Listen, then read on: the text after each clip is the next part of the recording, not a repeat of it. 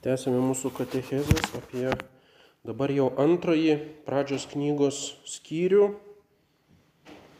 Ir pasodino viešpats Dievas užveisė sodą Edene rytuose ir ten įkurdino žmogų, kurį buvo padaręs. Hebrajiškas tekstas ir pasodino, neužveisė, o pasodino Jahve Dievas sodą Edene rytuose ir pastatė ten žmogų. Neįkurdino, o pastatė ten žmogų, kurį suformavo, kurį buvo padaręs. Taigi Dievas, pats viešpats Dievas, sodina Edene kažkokiame paslaptingoje vietoje, kur nurodoma, kad tai yra rytuose. Ir dabar neaišku, kur tie rytai, nuo ko rytai. Rytai yra kažkoks relatyvus posakis, kur yra tie rytai ir tenais pastatė žmogų, kurį suformavo. Reiškia, pozuit pastatė, reiškia tiesiog galima sakyti, e, jį sutvėrė kažkokioje kitoje vietoje ir paskui tiesiog paėmė už pakarpos ir pastatė kitoje vietoje, kuri yra Edene. Ir štai kur tas yra Edenas, e, sodas Edene, hebrajiškai gan be Eden sodas. Šitas sodas tai yra rojus, tai ką mes vadiname rojumi. Gan reiškia tam tikrą uždara, aptverta e, tvora ar kažkokia tai siena, tokia vieta. E, Edenas e, latiniškai reiškia voluptas, malonumas, palaima, reiškia palaimos kraštas, Edenas ir jame yra aptvertas toksai e, sodas. Šitaip galime tai įsivaizduoti. Ir štai e, šventasis Augustinas e, remia tokią mišrę sampratą rojaus kūnišką dvasinę, kad tai yra iš tikrųjų vieta Žemėje, šitoje Žemės planetoje, ne kažkur tai danguje, ne dangiškasis rojus kaip paskutinė žmonių paskutinis tikslas, bet tam tikra žemiška vieta, geografinė, ką vėliau pabrėžė ir pati e, būtent e, pradžios knyga, tačiau jinai turi dvasinę prasme. Tai yra kartu dvasinė vieta, e, turinti būtent specialų tokį antgamtinę paskirtį apgyvendinti šitą žmogų. Ir taip Augustinas pasisako prieš alegorizavimą arba gryną simbolinį traktavimą, taip kaip Aleksandrijos mokykla Origenas aiškina, kad tai yra tik toks vaizdingas pirmųjų žmonių laimės apibūdinimas. Reiškia, tas rojus buvo tik žmonių širdyje arba jų jausmuose vaizduotėje, o jie tiesiog gyveno šitoje planetoje. Nieko panašaus. Būtent pradžios knyga labai aiškiai pabrėžia, kad tai yra tam tikra geografinė vieta, nes skiria labai daug vietos upių aprašymui. Reiškia, tos upės jos kaip lokalizuoja šitą rojų. Ir štai graikiškas vertimas e, pasodino Dievas paradeizon, paradeizon, paradizum. Ir taip yra daugelį kalbų, rojus yra paradizus. E, paradise angliškai, tarkim. Iš kur šitas žodis? Tai yra persiškai paraideza, tam tikra uždara vieta, uždaras sodas, e, kuris e, būtent dažniausiai būdavo prie karalių ar didikų rūmų, tokia polsio ir palaimos vieta, kur karalius po visų savo e, valstybinių užduočių galėdavo grožėtis gamtos grožiu tose nesvetingose artimųjų rytų dykumingose sausose vietose reiškia, kur yra daug vandens, daug žalumos, gražių medžių, vaisių ir kur gali ilsėtis. Būtent tai yra kaip malonumo arba to voliuptas, malonumo palaimos, toks materialus įsikūnymas visose artimųjų rytų tautose jų vaizduotėje. Ir štai sakoma, gan be Eden. Tai yra kaip artikelis, reiškia tas Edenas yra tam tikra konkreti vieta, Antroji karalių knyga 19 skyrius mini Bene Eden, tam tikrus aramiečius gyvenančius Bit Eden, reiškia, tam tikroje vietovėje prie Eufrato upės. Reiškia, iš tikrųjų tas Eden turėjo tam tikrą, e, turėjo tam tikrą geografinę tokią prasme. Kai kurie e, kildina, bando kildinti iš e, artimųjų rytų šitų mitų arba sieti su jais, tarkim, Gilgamešo epas, Gilgamešo protėvis, Utnapištin e, buvo sukurtas dievų panašus į juos, tai yra į dievus. Ką tai mums primena? Adomą. Ir tas Utnapištim apgyvendintas toli prie upių ištikėjimo. Upių ištikėjimas vėl mums primena tas rojaus upes. Ir e, paskui kalba apie palaimintųjų salą požemyje. Ir aišku, biblinis tekstas nekalba apie jokią salą ir jokį požemį. Taigi tas Gilgamešo epas tik tai labai iš toli primena rojaus pasakojimą. Gilgamešo epe Deivė Arūrų sutvėrė pagal kito dievo Anų pavydalą tam Gilgamešui draugą Eabanį. O tas Eabanį reiškia Ea sutvėrė. Ir tai yra toks laukinis žmogus, e, mm, gyvena kartu su žvėrimis, reiškia tokioje visiškai laukinėje aplinkoje. Ir tą Ejabanį suvedžiojo iš Taro kunigė, e, reiškia. Vėlgi, moteris kaip e, priežastis su nuodėmės būtent vyro šito Ejabanio. Ir tada Ejabanį prakeikia moterį ir ją Dievas Šamašas apvilko šunies kailiu, jinai klaidžiojo po laukus. Ir kai kurie autoriai sako, tasai į Abanį panašus į Adomą. Ir matom, kad tos visos, visose tuose mituose galime rasti tam tikrų elementų, kurie mums labai primena rojaus pasakojimą, bet niekur nerasime e, tų visų elementų visoje jų e, visame komplekte. Mm, Dėličas, toksai švento rašto aiškintojas, e, savo veikale, kur yra rojus, bando išvesti rojaus įvaizdį iš e, nuostabaus sodo prie Babilono, kar Dunijaš, Dievo Dunijašo sodas.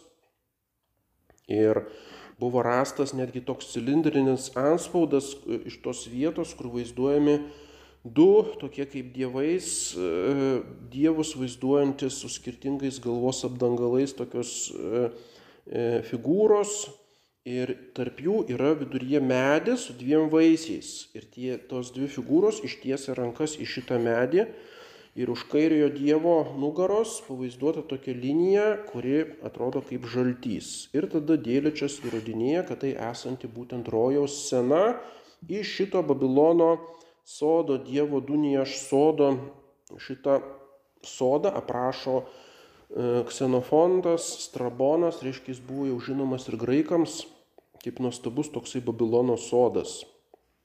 Tačiau šitie tos dvi figūros, neaišku ar tai vyrai ar moteris pirmiausia, toliau jie nėra nuogi, kaip tas laukinis žmogus į Jabanį, reiškia yra apsirengę su tam tikromis kaukėmis ir figūromis, Ir jie nelaiko to vaisiaus ir nebendrauja su ta vingiuota linija ir visiškai dar neaišku, ar ta vingiuota linija reiškia žalti.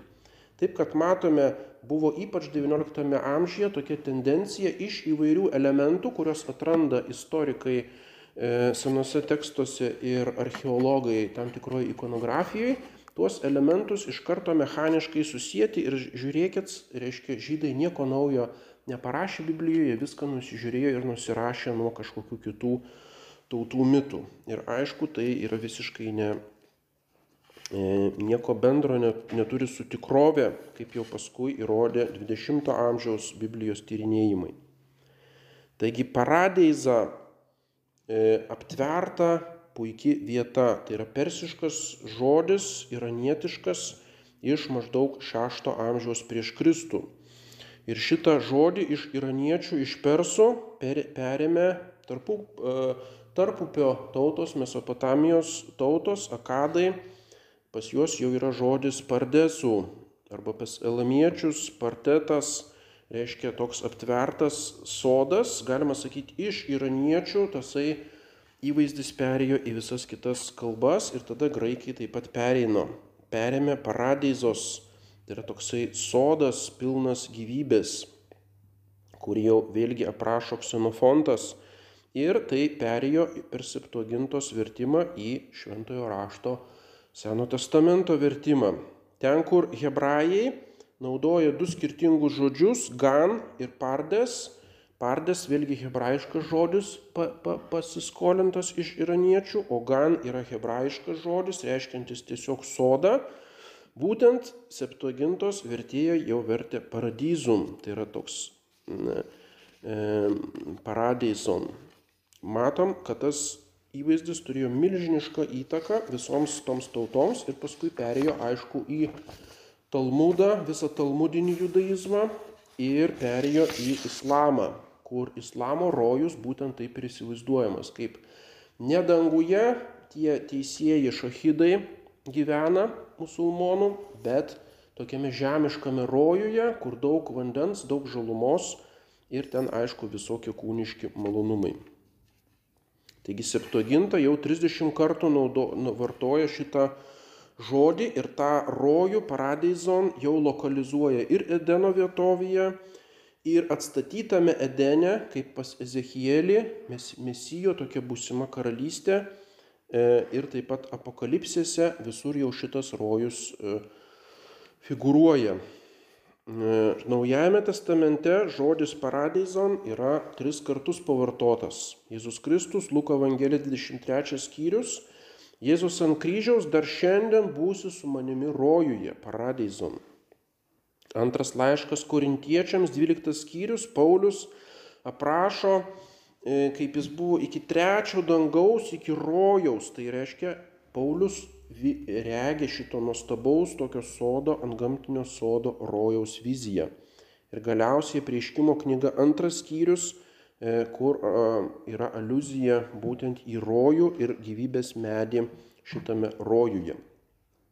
Ir štai tada prasideda bažnyčios tėvų įvairios spekulacijos. Tarkim, e, pas žydus e, tame rabinistinėme judaizme jau buvo skiriame E, žemutinis Gan Edene, tai yra sodas Edene, ir aukštutinis Gan Eden.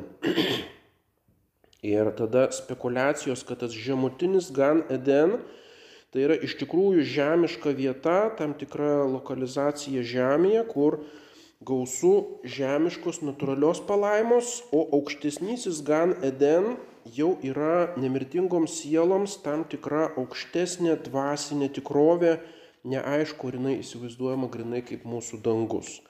Ir štai matome, jau žydai apie tai ėmė spekuliuoti ir skirti aukštesnį ir žemesnį tokius lygmenis šito gan Eden. Ir tada jau antrame amžiuje šventasis Irenėjus jau būtent irgi skyrė, kad yra tam tikra natūrali palaima, rojaus palaima, bet šventiesiems yra skirtas dangus, kuris yra dangiškoji Jeruzalė, kažkas visiškai kito. Ir Origenas taip pat rašo, kad mm, e, paradizum arba tas žemiškasis rojus yra tai kaip tokia žemiška mokykla sieloms e, tų teisiųjų, kurie pasiruošia toje mokykloje lygtai ir paskui jie perkeliami į dangaus sferas. Tai matom, tokios yra spekulacijos, kurios vėliau nepasitvirtino ir jau nuo Augustino laikų kitų bažnyčios tėvų e, visiškai buvo aišku, kad teisėjai nepateks į jokį žemišką įrojų, o jie eis jų sielos iš karto į dangiškąją tėvynę, tai yra danguje, kur yra grinai dvasinė vieta ir tenais taip pat gyvens su prisikėlusiais kūnais. Reiškia, tai nieko bendro su žemiškuoju rojumi. Reiškia, rojus kaip toks nebus atstatytas kaip vieta, E, materiali šitoje žemėje gyventi teisiesiems.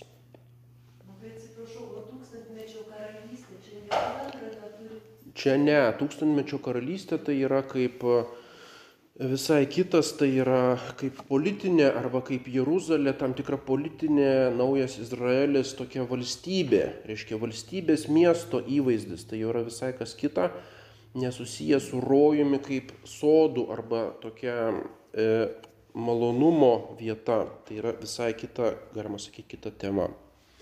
Ir štai kodėl lietuviai sako rojus. Šitas rojus perimtas iš slavų kalbų. Reiškia, rai rusiškai arba kitose kalbose yra rai. Reiškia, tai, kas yra paradeizon graikiškai, tai rusai ir lietuviai sako rojus. Ir šitas rai vėlgi yra iš Irano, iš persų kalbos rai reiškia e, dangišką palaimą arba tokį švitėjimą. Reiškia, rojus tai jau nebėra sodas paradeizon, bet tai yra švitėjimo vieta, galima sakyti. Ir kaip iš persų kalbos tai perėjo į slavų kalbas, tai čia nežinau, čia yra, e, nėra taip žinoma. Ir štai kur tas Edenas, Kas tas Edenas, tai lieka paslaptis. Mes tik tai turime šitą žodį, bet mes negalime pasakyti tiksliai, e, koks, kaip, tas, kaip suprasti tą Edeną. Ir štai devintoji lūtė. E, tas Edenas yra rytuose. Nuo ko rytuose? Tikriausia, nuo judėjos į rytus. Reiškia, rytai ne tik tai graikams buvo tokia kaip išminties ir sakralumo ir reiškia dievų kilmės vieta, bet taip pat ir žydams. Reiškia, judėja yra dykuminga, kalnuota, sausa šalis, o tai, kas į rytus, įsivaizduojama kaip tam tikra rojaus palaima Edenas. Aišku, tiksliai geografiškai į rytus tai yra dykuma, yra Arabijos dykuma, tai dar sausiau negu judėjoje bet šiek tiek į šiaurės rytus, tai yra būtent visa Mesopotamija, kur buvo Šumeras, Babilonija, e, e, irgi skaitosi kaip rytai nuo šventosios žemės. Taigi Edenas kažkur tenais lokalizuojamas. Tačiau lotyniškame, e, graikiškame vertime Edene į rytus, kata Anatolas, pagal patikėjimą, reiškia, kur saulė teka. O štai lotyniškame vertime paradizum voluptatis a principio jau yra nebe geografiška kryptis rytai, bet nuo pradžios laiko, laiko uh, prasme. Reiškia, nuo, prin, nuo pradžios plantavera dominus dievus paradizum voluptatis a principio. Reiškia, Dievas pasodino malonumų, nebesakoma edene, bet voluptatis reiškia malonumų sodą, paradizum a principio nuo pradžios. Ir aišku, tai visiškai iškreipia tiek hebrajišką, tiek graikišką tekstą ir tai yra tokia, galima sakyti, savavališkas ar Jeronim, Jeronimo, reiškia, išvirtimas, kur dinksta žodis Edenas, o lieka tik tai malonumas ir dinksta rytai, o atsiranda nuo pradžių. Tai šitas vertimas ne, netinkamas yra. Devinta eilutė ir išaugino Jahve Dievas iš dirvos kiekvieną medį malonu pažiūrėti ir gerą valgyti. Ir gyvybės medį, Ets Hajim, sodo viduryje ir gėrio ir blogio pažinimo medį. Mm. Ets Haddat Top Vaar. Reiškia, Ets yra medis, Ir štai yra daug medžių, jie visi skirti pirmą funkciją - malonus pažiūrėti, reiškia, jie teikia tam tikrą dvasinę palaimą tom rojaus gyventojams ir gerą valgyti, duoda jiems maistą. Tačiau tarptų visų medžių sodo viduryje yra gyvybės medis, kažkoks visiškai skirtingas ir paskui kažkur kitur ar tame pačiame sodo viduryje yra gėrio ir blogio pažinimo medis. Nu ir čia diskusijos nuo Seno testamento laikų žydai rabinai be galo diskutavo, ką reiškia šitie du medžiai. Ir paskui bažnyčios tėvai ir bažnyčios rašytojai, aišku, mm, nėra galo šitoms diskusijoms. Kas yra šitie rojaus medžiai? Pirmiausia, gyvybės medis, ets ha chaim, reiškia gyvybės medis jisai kažkokią tai gyvybę teikia. Tikriausia, kad jis ne naują gyvybę teikiantis, bet atgaivinantis, palaikantis, palaikantis medis. Reiškia, jisai, galima sakyti, kaip sakramentas arba kaip sakramentalija, reiškia, turi galę pat, suteikti ilgamžiškumą, palaikyti, reiškia, il, ilgą gyvenimą. Šventasis Tomas Akvinietis sako, kad negali toksai medis, kuris yra Dievo tvarinys ir dargi neprotingas, teikti nemirtingumo.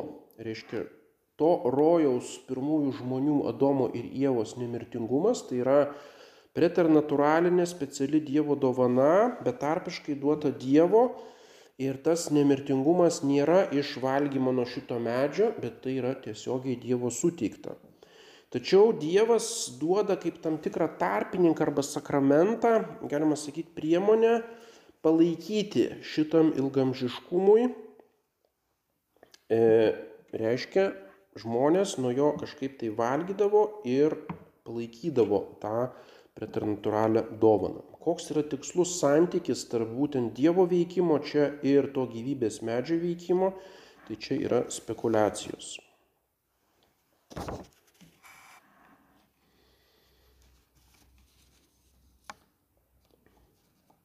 Taigi, e, pagal Tomą Akvinietį jis tas šitas medis e, tarnauja palaikyti biologiniai e, pirmųjų žmonių gyvybei. Mm, ir jis nesuteikia paties nemirtingumo, kadangi pats medis, būdamas tik tai tvarinys, e, ribotas, negali suteikti amžinojo gyvenimo. Šventasis Augustinas Dievo mieste savo veikale rašo, žmogus buvo aprūpintas maistu prieš alkį, tai yra būtent tie visi kiti medžiai, kurie teikia maistą, toliau vandeniu prieš troškulį, tai yra tos upės, rojaus upės, jų kaip funkcija, ir gyvybės medžių prieš senatvę, reiškia, kad jo gyvybė biologinė gyvybė būtų e, palaikoma ir žmogus nepatirtų senėjimo, galima taip sakyti, ilgamžiškumo kaip garantas. E,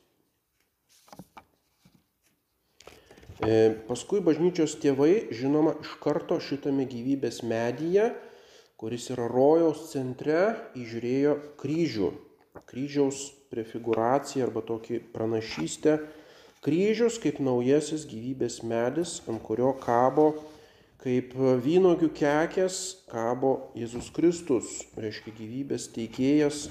Šitas gyvybės medis mums teikia šventąją komuniją kaip maistą ir šventoji komunija palaiko mumise ant gamtinė gyvybė. Tai yra labai plati tema būtent dvasinio išaiškinimo mm, gyvybės medžio simbolikos. Šita simbolika arba jo dvasinė prasmė visiškai aiški jau Sename testamente, patarlių knyga, trečias skyrius. Išmintis yra gyvybės medis, ją suvokiantiems, laimingų vadinamas, kas jos laikosi. Paskui 11 skyrius. Teisus elgesys yra gyvenimo medis, o smurtas atima gyvenimą. Reiškia išmintis ir iš tos išminties kylančios įvairios darybės yra kaip tas gyvybės medis, kuris neleidžia sugriūti ant gamtiniam gyvenimui. Švelnus liežuvis yra gyvybės medis, o suktas versmė beprotybės. Ir paskui apokalipsės knyga, prieškimo knyga antras skyrius, kas turi ausis te klauso, ką dvasia kalba bažnyčioms, nugalėtojui aš duosiu valgyti nuo gyvybės medžio esančio Dievo rojuje. Nugalėtojui reiškia prieš šitą apokaliptinį mūšį Dvasia, Dievo dvasia, šventoji dvasia skelbia bažnyčioms, kas turi ausis tik klauso. Jeigu valgysite, reiškia, jeigu nugalėsite tas visas pagundas antikristinės, aš duosiu jums valgyti nuo gyvybės medžio, tai yra nuo to kryžiaus, ant kurio kabo gyvybės medžio vaisius Jėzus Kristus ir tas e, medis yra Dievo rojuje, tai yra danguje. Prieškimo 22 skyrius. Angelas parodė man gyvybės vandens upę tvaskančią tarsi krikštolas, ištekančią nuo Dievo ir avinėlio sosto. Reiškia panašu kaip rojuje, bet čia jau yra tasai Dievo sostas ir avinėlio sostas, reiškia Dievo tėvo ir Dievo sūnaus kaip sostai, tokia kaip e, šventykla.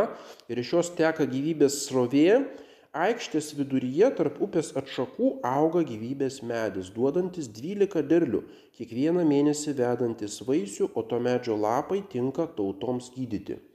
Reiškia, tas, mai, tas medis jau yra ne tik tai kaip rojuje, bet kaip tam tikrame e, dvare, Dievo ir avinėlio dvare, tokie karališkoje, mes matome to paradizos. Paradizos yra sodas prie karaliaus dvaro. Reiškia, čia būtent tas aiškiausiai matosi. Karalius sėdi tame soste, toliau yra tam tikra aikštė, ten yra upės atšakos, reiškia, kaip rojaus šitos upės. Ir čia viduryje auga tas gyvybės medis, nepaprastas, reiškia, 12 derlių, tai reiškia nepaprastas jo vaisingumas ir gyvybės perteklius, kuris duodamas. Ir jis ne tik tai maitina, bet šito medžio lapai tinka tautoms gydyti. Tai yra patikslinimas. Reiškia, galima sakyti, ne tik tai kaip priimant tabletės, bet ir pleistrais gydomas. Reiškia, ne tik tai tas ilgamžiškumas suteikiamas per e, priėmimą kaip maisto, bet ir lapai netgi tinka žaizdoms sugydyti šitų išrinktųjų. Taigi simbolika yra nepaprastai turtinga. Toliau gero ir blogo pažinimo medis. Ką tai reiškia? Koks tas geras ir blogas ir kas tas pažinimas? Nu, čia yra įvairios tradicijos. Vienas, kad tai yra tam tikra visažinystė. Reiškia, tas medis teikia visą ko žinojimą. Atseit geras ir blogas tai yra toksai literatūrinė priemonė, kuri reiškia viską. Reiškia visų dalykų vadinama figūra, kalbos figūra merizmas, kuris e, tokia žodžių pora išreiškia visų dalykų, visus dalykus. Panašiai kaip dangus ir žemė reiškia visą visatą, visą kosmosą, reiškia čia yra merizmas. Ir aišku, sunku šitą priimti, kadangi aiškiai kalbama apie gėrį ir blogį tai nėra visi dalykai, o yra tam tikra moralinė, moralinė nata ar moralinė, moralinė šito prasmė. Taigi tai nėra visa žinystė, nekalbama apie siekį, suvalgant šito medžio vaisių, gauti dievišką visą žinystę, kad tu žinosi viską kaip Dievas, visus teorinius dalykus. Tai nekalbama apie teorinį žinojimą kažkokių tai paslėptų dalykų. Šitą prasme visiškai nurodo ir visa istorija, kuri atsitiko su tuo medžiu, kad reiškia Jėva ir Adomas suvalgė ir tai yra blogis, tai yra mor, viskas susijęs su moraliniu blogiu, o ne su kažkokia teoriška visažinystė visų dalykų. Taigi šita teorija yra neprimtina. Toliau kita teorija, kuri buvo XIX e, amžiui plėtojama ir kitur, kad tai yra tam tikras lytinis pažinimas arba lytiškumo nuodėmė reiškia gero ir blogo pažinimo medis, kaip tam tikra e, sužinojimas, atseit Adomas ir Jėva buvo tokie kaip maži vaikai, naivus ir paskui per tą vaisių jie kažkaip suvokė litiškumo prasme, reiškia prarado tą nekaltumą. Ir vaisius atseit net pas Augustiną yra tokia vieta, Didženezis litera, Vaisius simbolizuoja draudimą turėti lytinius santykius. Nu, ir tai visiškai niekaip neįmanoma suderinti su pirmoju pradžios knygos skyriumi, kur aiškiai skatina tos santykius. Reiškia, jūs daugykitės ir pripildykite žemę. Ir Adomas ir Jėva buvo sutverti kaip brandų suaugę žmonės. Ir jie nebuvo kaip maži vaikai, reiškia, kur neturi dar išsivyščiusios visos harmoninės ir psichologinės sistemos, kuri sudaro tą kompleksą susijusiu su dauginimuose. Tai yra visiškai nepriimtina ir netitinka, galima sakyti, sveikos antropologijos. Ir todėl jie visiškai suvokė, ką tai reiškia litiškumas ir turėjo tam galimybę, tiesiog dar nebuvo tai viskas įvyko greitai, tasai puolimas ir todėl jie nesusilaukė dar vaikų iki to puolimo. Bet pats Dievas tam juos skatino ir visiškai tas pritempimas prie kaip lytinio žinojimo neturi jokios, ne, jokios, mm, jokio pagrindimo.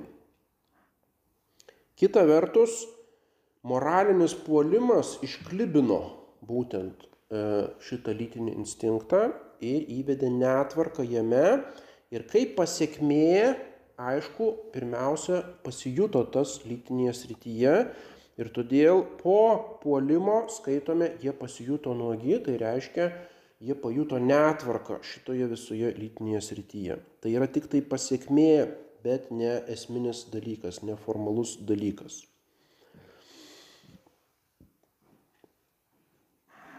Taigi, kokia prasmė, kontekstas, tai yra Dievo draudimas, paskui yra sąžinės priekaištai, kai padomas lepiasi krūmė nuo Dievo, ir paskui bausmė, visas šitas kontekstas rodo, kad turimas omenyje moralinis, praktinis, o ne teorinis, intelektualinis pažinimas. Ką tai reiškia?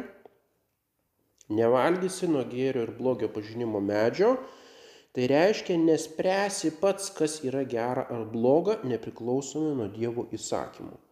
Ir būtent tai buvo Adomo ir Dievos nuodėmė, suvalgant šito medžio vaisių, Tai yra noras patiems spręsti, kas yra gera ir bloga, patiems spręsti praktinio, moralinio, e, reiškia moralinėje srityje, kas yra leistina, o kas neleistina. Galima sakyti, šito vaisiaus uždraudimas yra toksai kaip tabu arba tiesiog simbolinis uždraudimas. Reiškia, tame obolyje arba tame vaisiuje yra kaip sukoncentruotas Dievo draudimas būtent peržengti tam tikras ribas. Panašiai vėliau buvo įvesti draudimai tam tikro maisto.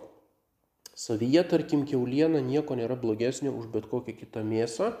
Tiesiog buvo tam tikras maisto apribojimas kaip priemonė e, disciplinuoti e, išrinktąją tautą, kad jie nesimaišytų su pagonėmis. Reiškia, maisto draudimai Nes jeigu negali kartu valgyti, tai negali kartu ir puotauti, o kiekviena puota e, susijusi su religinėmis apieigomis, reiškia, jeigu žydai negali su pagonėmis kartu valgyti, tada jie negali palaikyti tos socialinės institucijos, puotos institucijos, per kurią jie būtų įtraukiami į pagoniškas apeigas. Kur, nes kiekviena puota būdavo e, susijusi su valgio aukojimu tam tikroms dievybėms.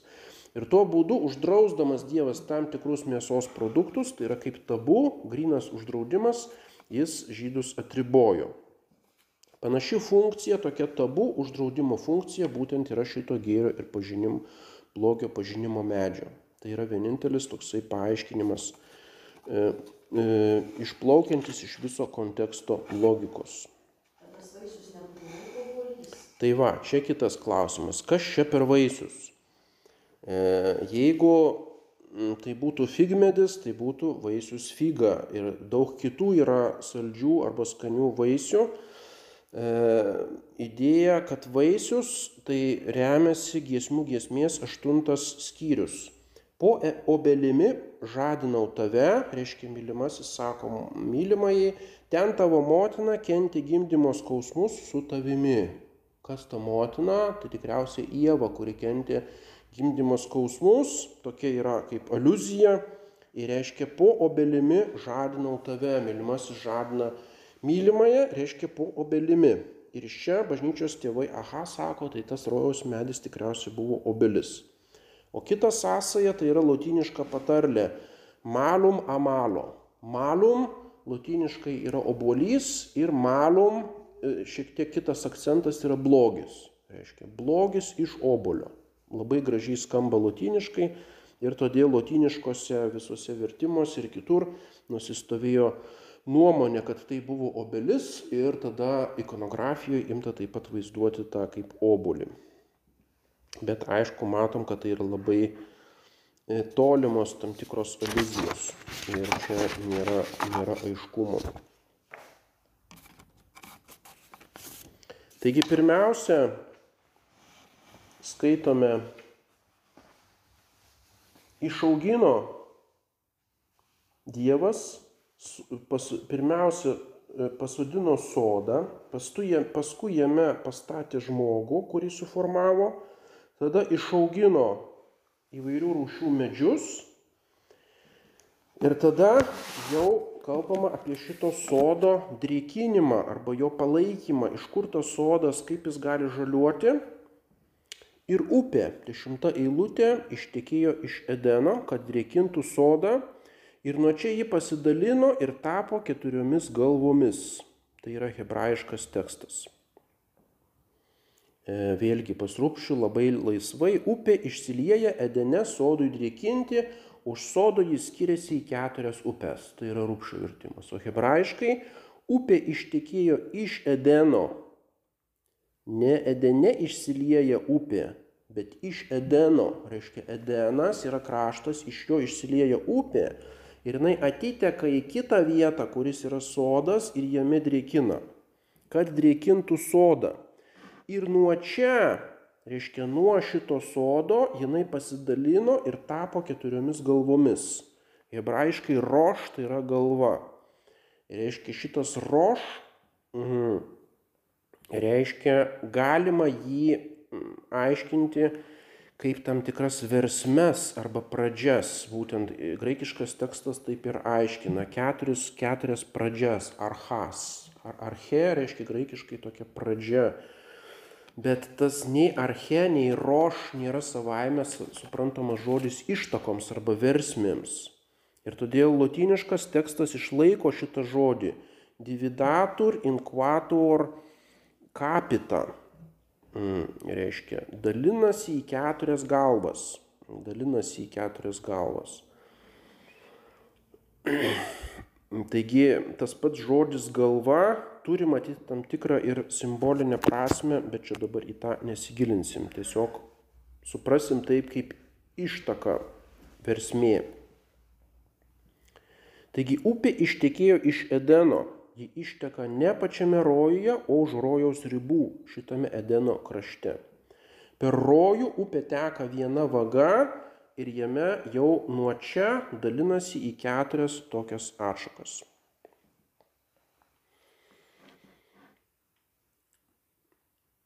keturios e, galvos, jos aišku, tuoj buvo išaiškintos dvasinė prasme. Rojus tai reiškia bažnyčia, keturios upės tai yra keturios pagrindinės darybės, kardinalinės darybės. E, ir tos e, upės, reiškia, išteka iš vieno to malonės šaltinio, tai yra iš Jėzaus Kristaus. Bet tai yra, žinoma, alegoriniai aiškinimai toks argumentas, kad niekur kitur žodis roš galva nereiškia šaltinio arba atšakų. Kai kur Ezekielis kalba apie roš kaip kelio atšaką, reiškia, bet tai yra apie kelio šakojimasis kaip kelio pradžia.